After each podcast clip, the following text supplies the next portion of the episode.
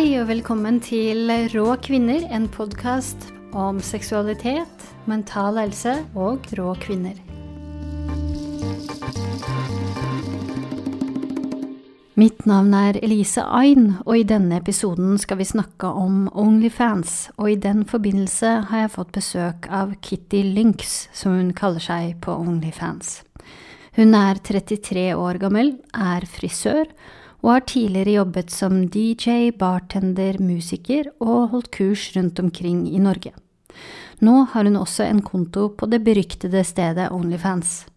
Onlyfans er ifølge nettstedet deres en abonnementsbasert sosial medieplattform, der brukere kan selge originalt innhold, altså innhold de lager selv, og plattformen lar fans betale for å se favorittartistene sine på abonnementsbasis.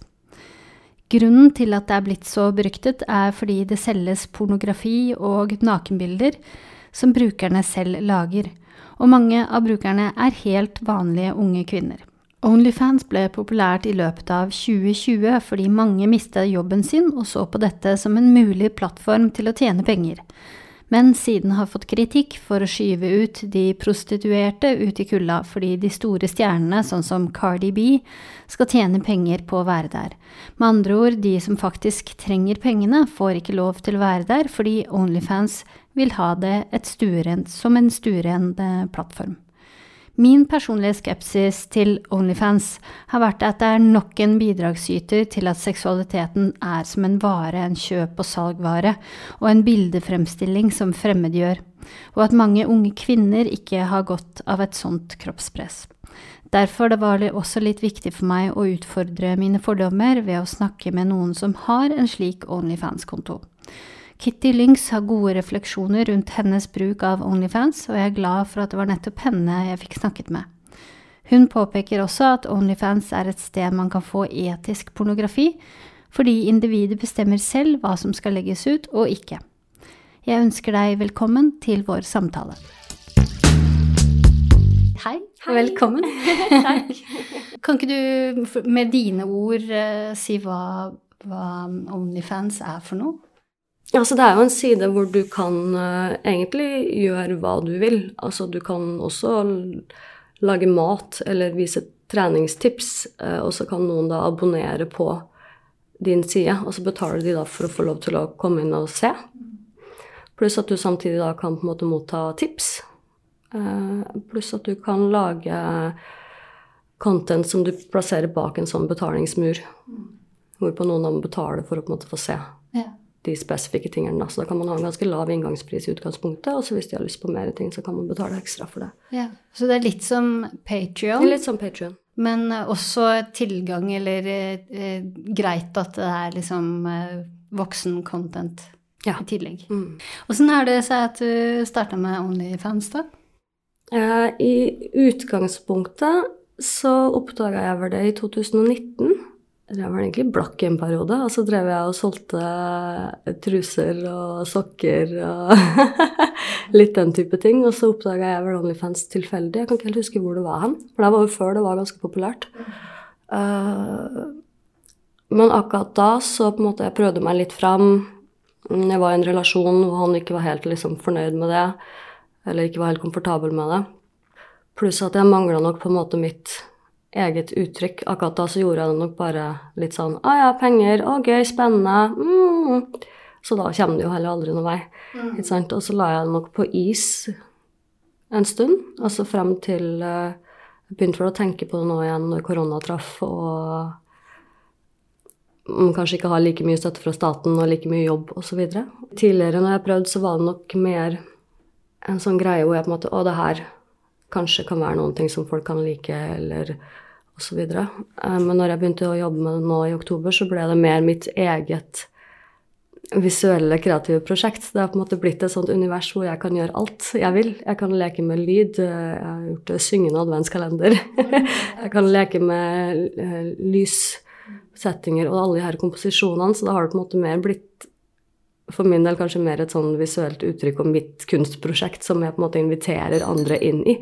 enn at jeg gjør det for noen andre, faktisk. Og da har det plutselig blitt en ganske stor del, for at jeg kan integrere såpass mye av mine forskjellige typer sider. Altså med seksualitet og med interesse for kunst og hår og makeup og alle de her type tingene. Eh, og jeg har drevet mye med sånn pole dancing eller burlesk og vært glad i å danse og, og synge, og alle de tingene på en måte kommer sammen i én ting.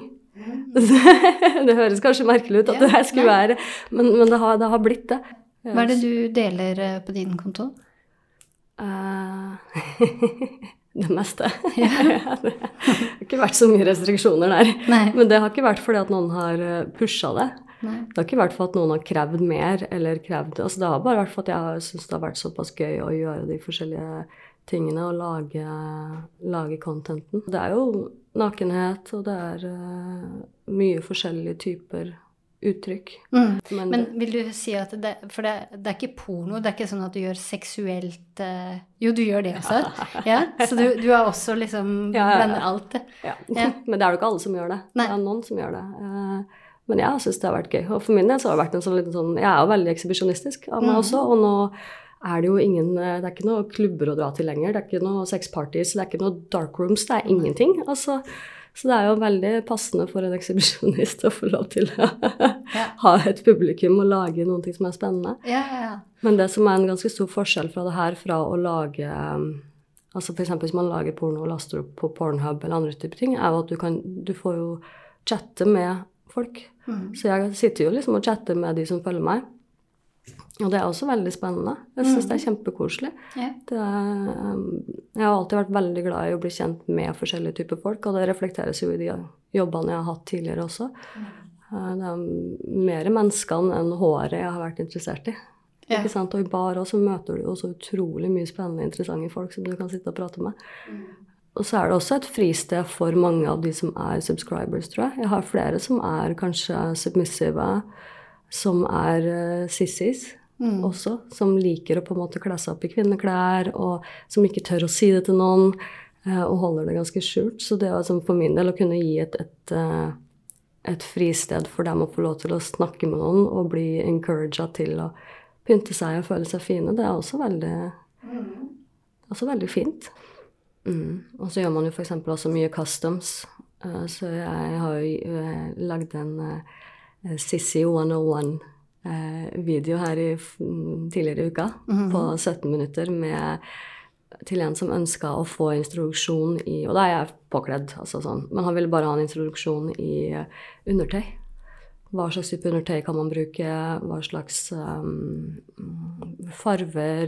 Hva som er viktig å tenke på? Hvor man kan få tak i de forskjellige typer tingene? Hva som er viktig å investere dyrere i?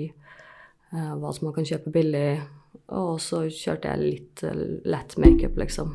Hva som er anbefalt i forhold til han, i forhold til hans sine farver, og mm. istedenfor å liksom Mm. Så at de kan få litt rettledning, da. Det er også litt sånn, Man blir fort sittende og prate liksom om hvordan man skal forholde seg til liksom damer eller kvinner eller dating eller altså Det er ikke bare den herre eh, nakenhet-fokuset. Jeg syns folk er veldig hyggelige å snakke med. Ja. Eh, og det å liksom kunne faktisk generelt rådgive liksom mer rundt seksualitet Mm. er også veldig fint. Ja. Og da ser jo de, de ser jo da ganske mye av din personlighet eh, fordi at du deler så mye forskjellig. Eh, så de, de føler jo kanskje også at de har et veldig nært forhold til det. Der. Ja, jeg vil tro det. det, det absolutt. Ja. Og det gjør at de også deler mer av seg selv, sikkert. De deler mer av seg selv, og noen blir sånn her, 'Å, her, du må se bilde av meg, så at du vet hvem jeg er'. Ja. Ikke sant? Så at jeg ikke bare sitter her og, og snakker med deg, men nå skal du få se hvordan jeg ser ut. ja. For min del så opplever jeg at jeg genuint liksom Jeg bryr meg jo om det. Mhm. Jeg har jo på en måte et ønske om at alle skal ha det generelt sett så bra som overhodet mulig. og hvis, eh, jeg tenker at hvis alle mennesker hadde vært mer connecta til sin seksualitet og seksuell energi, så hadde jo verden vært et betraktelig mye bedre sted. ja. Helt enig. Men får du noen ganger negative tilbakemeldinger? Jeg har egentlig ikke opplevd noe særlig av det. Nei, så bra. Jeg tror vel kanskje jeg har fått én en kommentar fra en som hadde vært innom på min ene side, liksom sånn herre oh, Shitty page, bla, bla, bla. Jeg bare Men altså, det er jo bare Ja. Er bare It's not, honey. This is good. Så det er bare noen som får lyst til å bare ja, ja. spy fra det litt. Ellers opplever jeg egentlig at alle er veldig hyggelige, veldig høflige. Ingen som tråkker over liksom noen, Så bra. noen grenser. For min del, da. Men det kan jo godt være annerledes. Så det spørs vel kanskje hvordan man på en måte velger å eh, være og markedsføre seg seg. Ja. Altså, jeg kan jo også hende at i forhold til liksom kvaliteten og i forhold til det jeg gjør, at de også føler at det ikke er noe vits. De kan ikke oversteppe. De kan, de kan ikke være ufine. Mm. De kan ikke krangle seg til noen ting. Altså, det spiller ingen rolle. Det er Fordi- bare blokk, bort, pst. Ja, for nettopp fordi du, du ikke orker Jeg hadde ikke akseptert, akseptert det uansett. mm. Så jeg tror kan nok hende at den holdninga også vises. Også med tanke på det, og jeg, jeg er jo 33, jeg er jo ikke 22, liksom. Ja. Eh, Det er jo mye mer tydelig. ja, ikke sant. Det, det utgjør nok en stor forskjell. Ja. Har du snakka med noen yngre som eier en Onlyfans-konto, om hvordan de har opplevd det? Jeg kjenner noen, mm, men de er vel ned på mer eh, ja, 24-25. Jeg har vel snakka med ei som er tror jeg, 22. Mm. Og som da holder det på en måte veldig privat. Og jeg ser mer kanskje på Reddit og sånn på Onlyfans Advice-tråder at mm. det er mange som sliter med å på en måte sette grensene sine. det er mange okay. som opplever at folk eh, prøver å pushe de og vil ha mer eller vil ha gratis content osv. osv. Mm. Um, der har de jo også da et ganske sånn stort community hvor man faktisk kan støtte hverandre og bare si at nei, nei, det her bare blokkerer du, ikke svar på det, osv. Så, videre. Ja.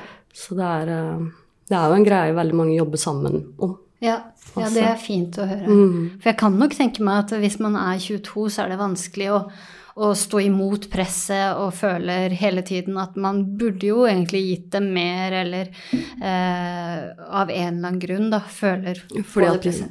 Ja, Mm. det men det er jo mer en sånn samfunnsindoktrinering. at man liksom bare skal føye seg og gi etter for at noen krever noen ting når du er kvinne. Og det er jo tullete. Ja. Men jeg tror ikke jeg ville ha vært 18 og begynt med, og begynt med det. Nei.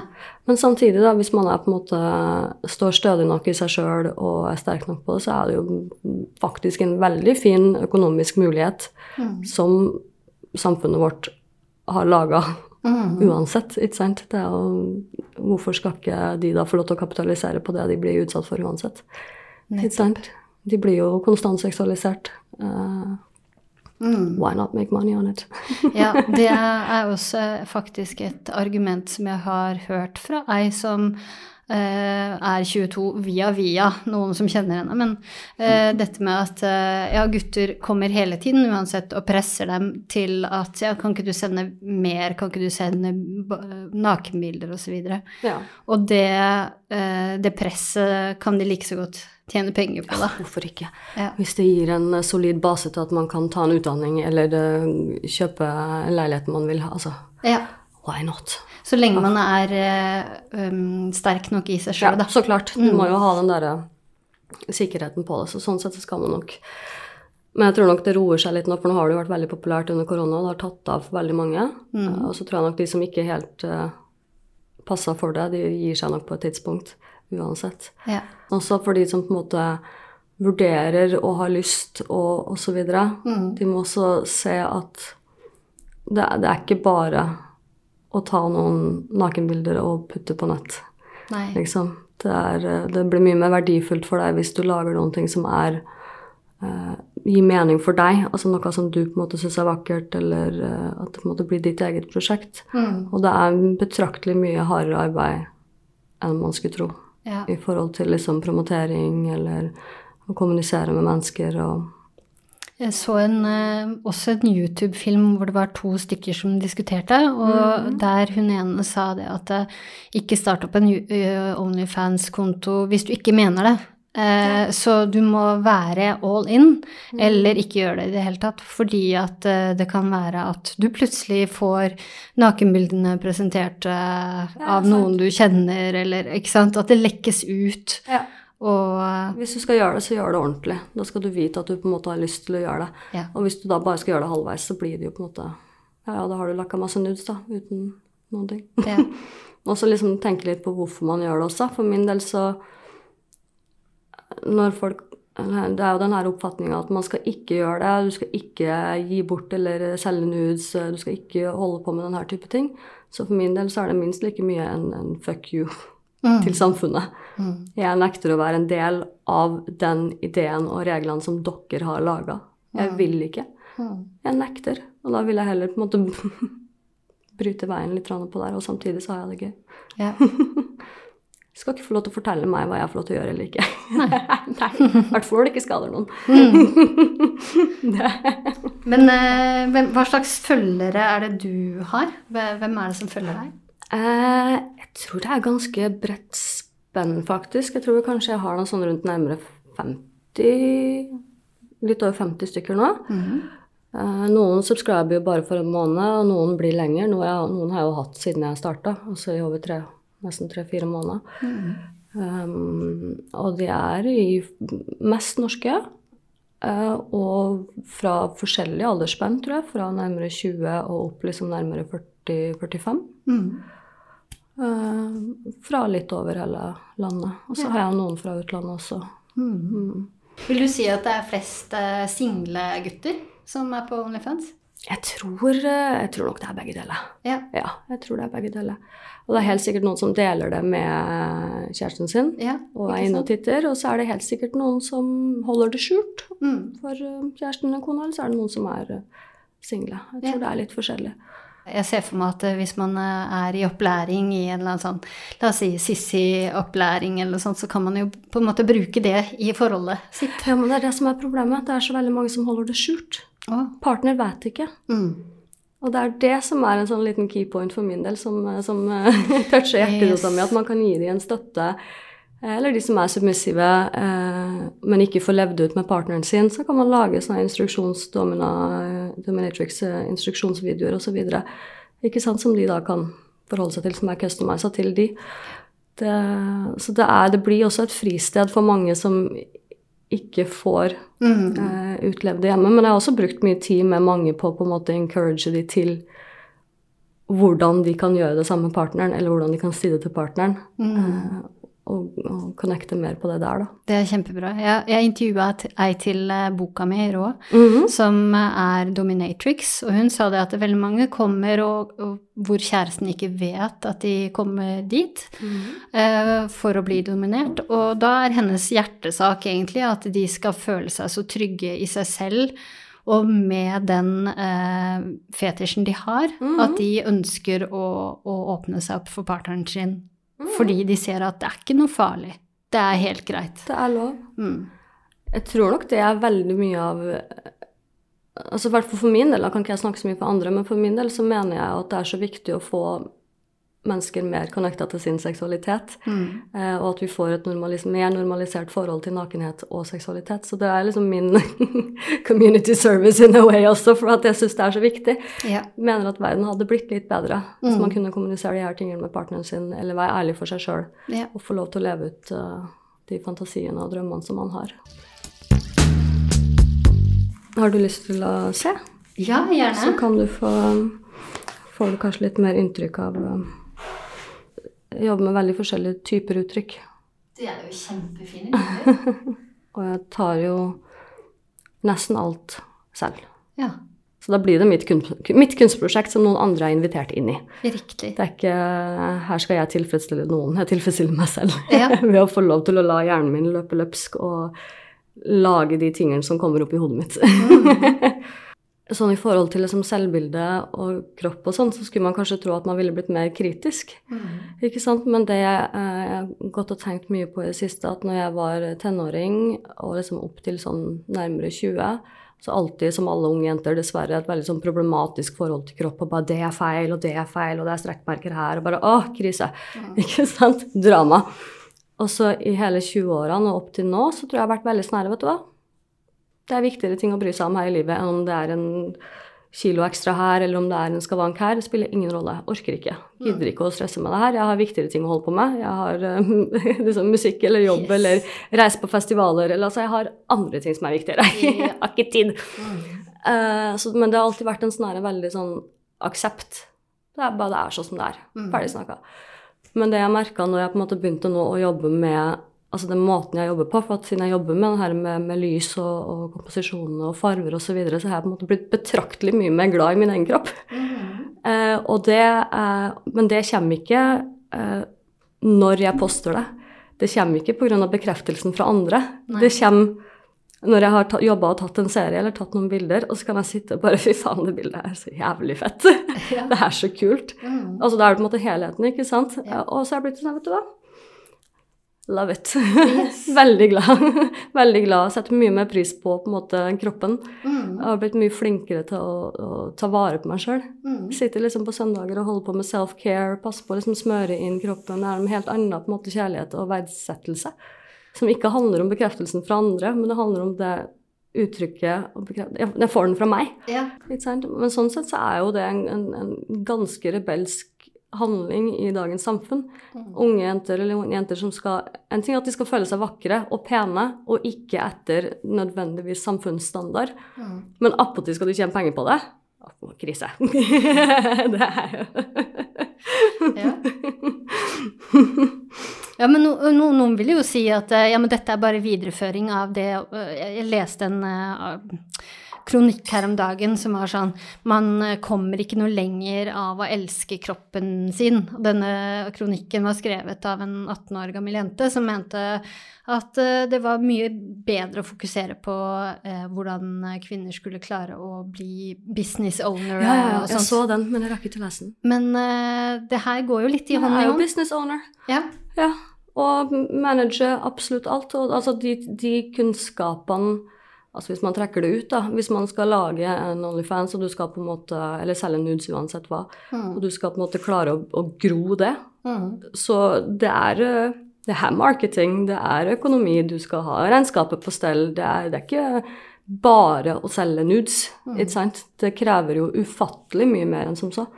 Hvis man kanskje hadde vært litt flinkere å lære unge jenter og gutter for den saks skyld, man skal ikke ekskludere de, til å være glad i sin egen kropp og akseptere seg sjøl og ha en bedre seksualitetsundervisning eh, som kommer betraktelig mye tidligere Mm. eh, inn enn den gjør nå, så hadde man jo kanskje ikke hatt det problemet. Så du kan ikke liksom skylde på de. Du må heller ta det og finne ut hvordan man kan gå inn eh, som foreldre Mm. eh, og være med å oppdra en generasjon som ikke har de problemene. Ja. ja, for nå fikk jo Sofie Elise sånn eh, en egen eh, pris for, være- ja, for at hun eh, har dårlig, er dårlig forbilde for ungdommer. Og det er, den prisen var eh, gitt av ungdommene selv, eller på en måte nominert av ungdommene selv. Eh, så på en side så kan du si at eh, hun bare Hun har det jo bare gøy med å ta sine bilder og promotere seg selv og, og sånt. Og så på den andre siden så er det ungdommer som ser på disse bildene og tenker 'å nei, jeg er ikke god nok'. Men hun snakker jo også veldig mye om det at hun ikke er god nok. Hun er jo Altså, det, det skal hun jo på sitt vis ha, at hun er jo utrolig ærlig. I alle sånne debatter og saker rundt det her, så er hun alltid ærlig om å fortelle at vet du hva, jeg har mine issues, jeg òg. Hun har bare vært utrolig flink til å kapitalisere på sine issues. Mm. det er en annen sak, men er, jeg mener fortsatt at det er mer en mangel i uh, utdannelsen vår. Altså at på en måte seksualundervisninga og relasjon til kropp og kommunikasjon og relasjoner våre skulle komme betraktelig mye før. Og at det har ting med uh, hva slags uh, forbilde foreldrene er i utgangspunktet.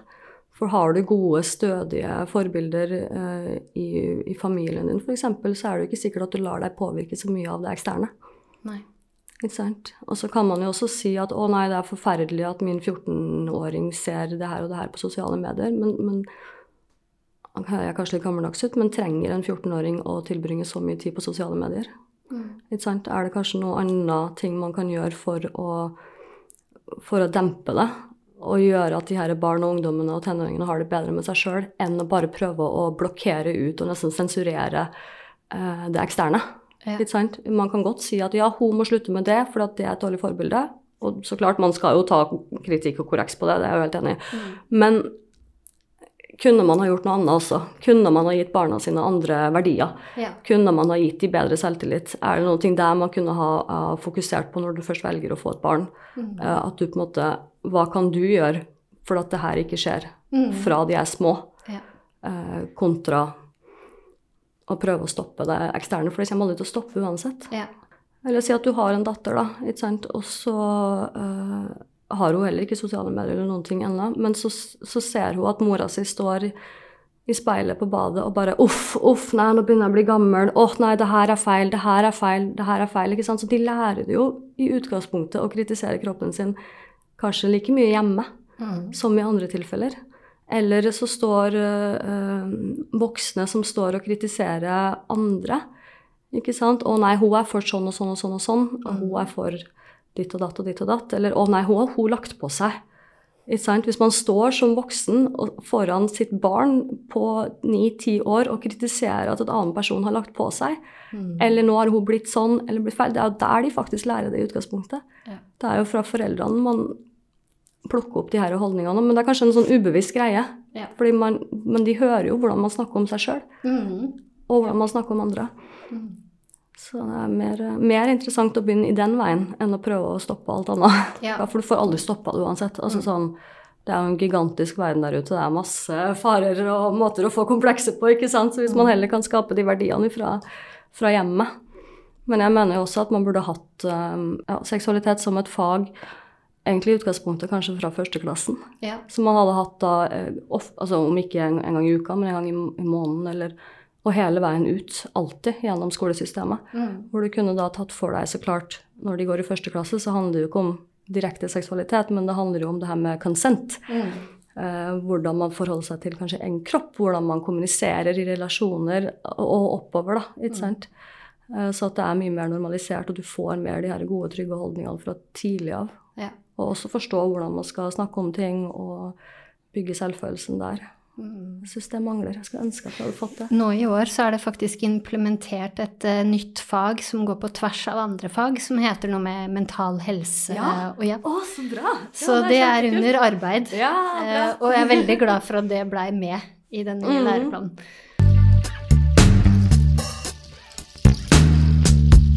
Når man er ung, så, så har man jo ingen, eh, ingen forbindelser, ingen andre kanskje relasjoner man må ta hensyn til. Eh, Så da er det jo veldig lett å starte opp en Onlyfans-konto. Men hvis man da får seg kjæreste, eh, eller og etter hvert sånn begynner å, å lage barn og familie og alt det der, så er det kanskje sånn to motstridende ting at det ikke går an å kombinere. Altså, det, det tar jo usannsynlig mye tid. Ja. Mm. Det tar mye, i hvert fall kanskje frem til du finner din egen liksom, flow og struktur. Mm. Uh, og jeg står jo rimelig fritt til å jobbe og gjøre sånn som jeg, jeg vil, så klart. Så jeg kan godt se for meg at hvis du appåtil har barn, så tar det sin tid. Ja. Uh, og, eh, og i hvert fall så klart også kjæreste. Du må jo ha noen da som er på en måte on board, on board med det i så fall. Men det er jo kanskje også noe med det at når man har barn, så det er, det er litt vanskeligere å, å liksom få, få tid, som du sier. Også etisk forsvarlig, tenker jeg. Og så er det sikkert også det der med etisk, at man skal liksom eh, ha barn, og de skal på skolen, og plutselig så kommer det frem at mamma Ja, det kan være litt kjedelig, tror jeg. Ja. Jeg tror det. Men så tenker jeg, ok, men hvor har barna lært de holdningene? Ikke sant? Hvorfor blir et barn mobba på skolen for at mora driver med erotic og nude content? Fordi at foreldrene, du, har lært i det. Ikke sant? Eh, barn er jo egentlig ganske sånn fordomsfrie og liksom yeah, whatever, ikke sant? Men de lærer jo da holdningene sine fra, fra foreldrene. Og det er kanskje mer de som har et problem med det, enn barna. Ja. Ikke sant? Men så, sånn utover det så er det vel en slags åpning i at eh, det her er også helt legitimt å drive med, kanskje på siden av en annen jobb. Og at man ikke trenger å være så veldig A4 lenger. Altså på at eh, A4-boksen utvider seg, da. Ja. Mm. Jeg har aldri passa inn i den A4-boksen, så det er veldig fint at den begynner. ja, men så ser jeg jo også jeg på en måte um, Det blir jo mer ekstreme tilfeller, så klart, men jeg ser jo på, på TikTok eksempel, så har du veldig mange kanskje litt yngre jenter, som er liksom midt 20 20-årene eller sånt, som da har ekstreme tilfeller, så klart, men de har barn. Kanskje de har ett eller to barn, og så har de en mann som har forlatt de. Verden og livet er egentlig bare helt i grus, og de, men de klarer jo da faktisk, ved å holde på med det her, forsørge familien sin og barna sine og ta vare på de, og ekstra deretter. Ja. Så sånn sett så gir det jo en plass og mulighet for veldig mange unge jenter eh, i veldig kinkige situasjoner. Ja. Uh, Hvilket jo er bedre enn å selge sex, vil For jeg eksempel. si. Ja, de kunne jo ha solgt sex eller ikke gjort noen ting og gått grunne. Og, altså, en ting er jo på en måte å holde på med eh, å lage nude adult content online, men det blir jo på en måte noe annet å holde på med prostitusjon. Ja. Det blir jo en, en, en ganske stor forskjell. Mm. Men så klart, det, helt sikkert, det kommer helt sikkert mye dårlige historier ut av det her til slutt òg. Det er jo ikke bare positivt. Mm. Det vil det jo på en måte aldri være. Eh, Men jeg tenker jo mer at det som ikke er positivt med det, handler jo mer om samfunnet sine holdninger enn at de egentlig har gjort noe galt. Ja. Og det å bli ekskludert, og det å få den merkelappen på seg, kanskje. Ja. Mm. For min del så tenker jeg at den merkelappen kan de bare ta og så pælme ut vinduet. Mm. Ja. Jeg jeg vil ikke ha den. Nei. Jeg har ikke lyst til å uansett jobbe på en, en arbeidsplass hvor det her ville ha et, vært et problem. Jeg Mm. vil ikke jobbe med de menneskene. jeg. Nei. Ja, fordi det handler jo også litt om, eh, tror jeg, hva man jobber med på siden. Sånn som for eksempel så lærer eh, bør nok ta en Lærer bør ta noen revurderinger, Ja. Absolutt. Eh, Men eh, andre som Ja, sånn som du er frisør på siden, det er jo ikke noe problem. Nei. Ellers så veit jo som de jeg jobber med, de er fullt, de er fullt klar over hva jeg gjør. Det er ikke noe, det er ikke noe hemmelig. Nei. Er det ikke? Absolutt ikke. Men så så klart, da. Nå er det jo Det spørs jo hva slags mennesker man har i omgangskretsen sin også. Jeg har jo generelt veldig åpne Masse åpne, fine folk. Nå, eh, hvordan ser du for deg at uh, Onlyfans-kontoen og arbeid og sånn blir i framtida? Har du noe mål? Ja, jeg har, jeg har et ekstremt, ekstremt hårete, kanskje litt urealistisk mål, men det orker ikke å forholde meg til at det kanskje er urealistisk. Jeg prøver heller bare. Ja. Jeg, har, jeg, jeg drømmer om et hus litt utafor. Litt ute på landet, liksom. Et hus med hvor jeg kan fylle med flere fine folk. Altså om det er venner, eller om det er par, eller som har lyst til å bo der. Og med et stort eh, drivhus med masse planter og eh, masse dyr. Og et lite musikkstudio i kjelleren, og eh, litt fotostudio. Generelt bare det her med kreative mennesker som har lyst til å jobbe og bo sammen. Det, er, eh, det hadde vært fett. Men i første utgangs... første, eh, først og fremst skal jeg ta lappen. Ja, kult. Ja, ikke sant? Det er jo første skritt til å bo på landet, det. Mm. Nei, men jeg tror vi avslutter der. Ja. Tusen takk for at du ville være med. Tusen takk for at du ville ha meg. det var veldig hyggelig. Så bra. Ha det. Ha det!